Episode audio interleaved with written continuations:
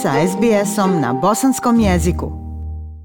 Iša, lijep pozdrav tebi i slušateljima SBS radija. Predsjednica Evropske komisije Ursula von der Leyen boravila je i u Bosni i Hercegovini i ona je dakle tokom protekle sedmice bila na turneji po zemljama Zapadnog Balkana i evo to će biti prva informacija o njenom boravku u Bosni i Hercegovini. 30. septembra Bosna i Hercegovina je dobila novi međunarodni granični prelaz i most na rijeci Savi kod Svilaja. Riječ je o zajedničkoj investiciji Hrvatske i Bosne i Hercegovine. Granični prijelaz je povezan sa 10,5 km autoceste Svilaj-Ođak, koji su dio koridora 5C. Ova dionica još od 2017. godine čeka na početak korištenja. Granični prelaz i most Svilaj bit će u funkciji za međunarodni saobraćaj putnika, a radi se o izuzetno važnom graničnom prelazu koji se nalazi na sjeveru Bosne i Hercegovine i ovaj most su i službeno otvorili predsjednica Europske komisije Ursula von der Leyen, zatim predsjednik vlade Hrvatske Andrej Plenković i predsjedavajući vijeća ministara Bosne i Hercegovine Zoran Tegeltija. To je bila ceremonija i svečanost i ovom prilikom e, von der Leyen je u svom obraćanju istakla da je ovaj most na neki način spaja regiju Zapadnog Balkana i Evropsku uniju. Evo poslušaj poslušajte riječi uh, Ursule von der Leyen. The Sviljaj Bridge Most u Svilaju povezuje Zapadni Balkan i Europsku uniju na još jedan način. Gradnja mostova spaja narode, države i njihove kulture, što je najvažnije za našu zajedničku budućnost jer Bosna i Hercegovina i cijeli Zapadni Balkan pripadaju Europskoj uniji. Smatram da je to naš zajednički interes i vjerujem naša sudbina. Premijer Hrvatske Andrej Plenković je istakao da otvoreni most Svila i predstavlja još jednu poveznicu. Poslušajte i njegovo izlaganje. On simbolizira i vrijednosti koje nas povezuju, a to je prije svega zajedništvo, to je odgovornost, to je povjerenje, to je međusobno uvažavanje i poštovanje i želja da komuniciramo bez ometanja, da se ljudi dobra usluge kreću bez ograničenja. Na ovoj svečanoj ceremoniji predsjedavajući vijeća ministara Bosne i Hercegovine Zoran Tegeltija je kazao da je Most Svila i značajan investicioni projekat, ali je također najavio da će tokom naredne godine biti u upotrebi još jedan most kod Gradiške. Evo konkretno šta je izjavio predsjedavajući vijeća ministara Bosne i Hercegovine Zoran Tegeltija. Nadam se da ću početkom ljeta 2022. godine biti u prilici da zajedno sa predsjednicom Evropske komisije i predsjednikom vlade Republike Hrvatske obilježimo otvaranje i mosta na rijeci Savi u Gradištu. Na taj način građani Bosne i Hercegovine bit će autoputem povezani od obaja Banja Luke preko Gradiške do Okučana u Republici Hrvatskoj, a onda iz Okučana na istok prema Beogradu, sjever prema Budipešti ili na zapad prema Zagrebu.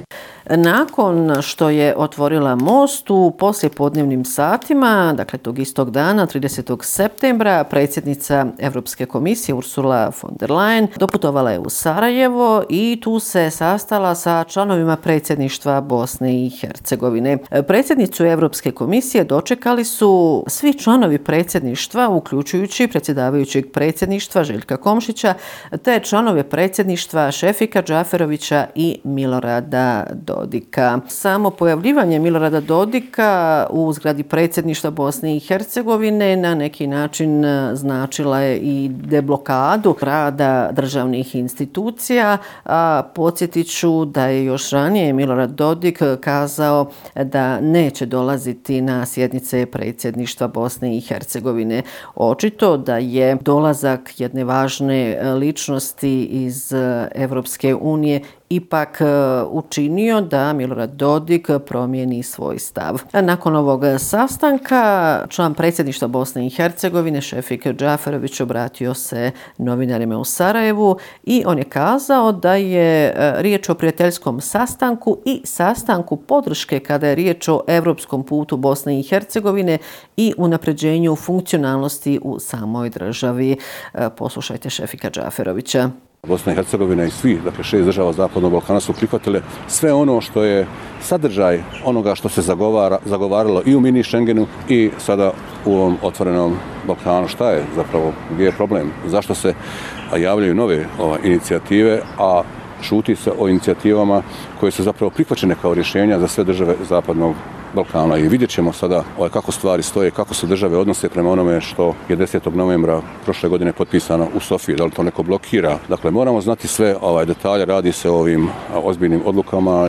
A iša, pa zanimljivo je da je Milorad Dodik nakon ovog susreta u zgradi predsjedništva Bosne i Hercegovine u Sarajevu otišao u istočno Sarajevo i tu održao preskonferenciju i novinarima se obratio, odnosno pojasnio šta je bila tema sastanka sa Ursulom von der Leyen. Evo poslušajte člana predsjedništva Bosne i Hercegovine Milorada Dodika. Ja sam predsjednica Europske komisije tražio da se ti principi redizajniraju i omekšaju i da se Bosni i Hercegovini što je moguće prije da status kandidata i da bi to bila mjera u kojoj se je vidljiv bio odnos Europske unije prema naravno Bosni i Hercegovini. Zvaničnik Sjedinjenih američkih država zadužen za reformu izbornog zakona Bosne i Hercegovine Matthew Palmer doputovao je u Sarajevo 29. septembra i on je bio ovdje sve do 1. oktobra. Tokom svoje posjete susreo se sa ambasadorom Sjedinjenih američkih država, zatim eh,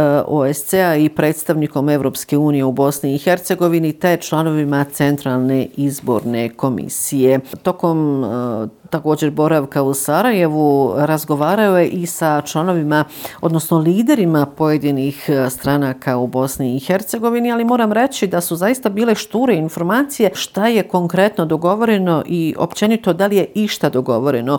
Ono što se zna da je Matthew Palmer e, razgovarao o potrebi izmjena izbornog zakona e, Bosne i Hercegovine. Jednakost glasa svakog građanina i njihovo pravo da se kandiduju u centru su demokratije i ključna prilika koju će Bosna i Hercegovina iskoristiti i ove godine. To su naveli na Twitteru iz ambasade Sjedinjenih američkih država u Bosni i Hercegovini. E, moram reći, a iša, ono što je vrlo bitno, da je i vijeće ministara Bosne i Hercegovine održalo svoju e, sjednicu telefonskim putem 28. septembra i e, na prijedlog Ministarstva financija i trezora Bosne i Hercegovine vijeće ministara je jednoglasno donijelo odluku o privremenom finansiranju institucija Bosne i Hercegovine i međunarodnih obaveza Bosne i Hercegovine za period oktobar-decembar 2021. godine u iznosu od 249 miliona konvertibilnih maraka. Ova odluka e, stupila je na snagu sa danom donošenja, to je 28. septembar, a e, počela se primjenjivati od 1 oktobra ove godine. I evo dokaza da je na neki način e, zaista nastupila deblokada rada državnih institucija jer je na sjednici vijeća ministara očito, e, s obzirom da su e, svi jednoglasno glasali za usvajanje privremenog finansiranja bili i predstavnici iz Republike Srpske. Kada je riječ o epidemiološkoj situaciji, evo moram reći da je Goran Čerkez, pomoćnik federalnog ministra zdravstva, bio na sjednici, odnosno imao e, izlaganje na sjednici Doma naroda parlamenta Federacije Bosne i Hercegovine 30. septembra i on je tom prilikom predstavio epidemiološku situaciju u Federaciji Bosne i Hercegovine. Navio je da se trenutno bilježi za 16% manji broj novozaraženih osoba koronavirusom u odnosu na broj u protekloj sedmici. Prema njegovim riječima, za 5% je više hospitaliziranih pacijenata, a od njih 521 trenutno su 43 na respiratoru. Stopa smrtnosti raste iz sedmice u sedmicu, to su riječi riječi Gorana Čerkeza, pomoćnika federalnog ministra zdravstva. E, prema njegovim riječima, više od 90% hospitaliziranih nije vakcinisano objema dozama, a najviše umiru stariji od 60 godina. Ta populacija je vakcinisana u omjeru oko 30%, kazao je Goran Čerkez. Afera respiratori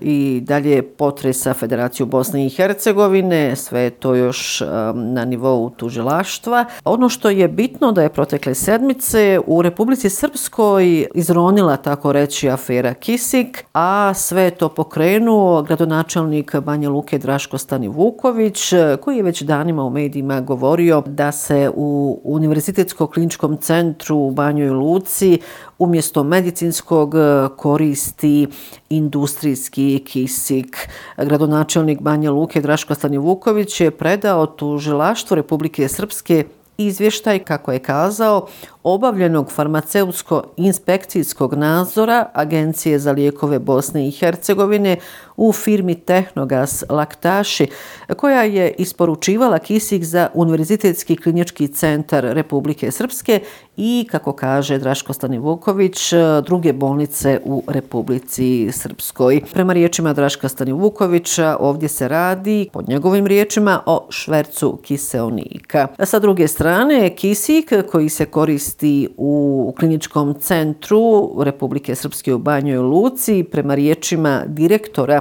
ovog centra, Vlade Đajića, kisik je ispravan. Vlado Đajić smatra da je gradonačelnik Banja Luke Stani Vuković pričom o ovoj temi pokazao političku pohlepu ne mareći za posljedice. U međuvremenu vlada Republike Srpske uputila je Banjalučkom okružnom javnom tužilaštvu krivičnu prijevu protiv Draška Stani Vukovića, gradonačelnika načelnika i komandanta štaba za vanredne situacije grada Banja Luke zbog, kako kaže, osnova sumnje da je izvršio krivično djelo protiv zdravlja ljudi. U prijavi se između ostalog navodi da je Stani Vuković u periodu od 24. do 30. septembra koristio i koristi svaku priliku i medijski nastup na teritoriji Republike Srpske da bi izazvao paniku, strah i neizvjesnost kod stanovništva ovog entiteta. To je činio iznoseći e, lažne tvrdnje te posebno iznoseći neistinite navode da se na kliničkom centru Republike Srpske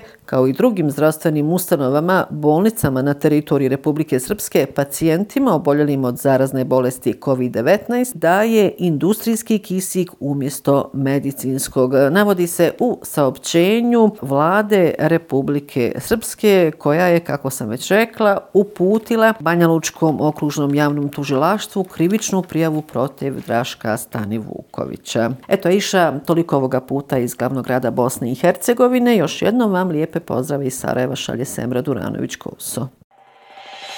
SBS na bosanskom. Podijelite naše priče preko Facebooka. Želite poslušati još ovakvih priča? Slušajte preko Apple podcasta, Google podcasta, Spotify ili kako god da primate svoje podcastove.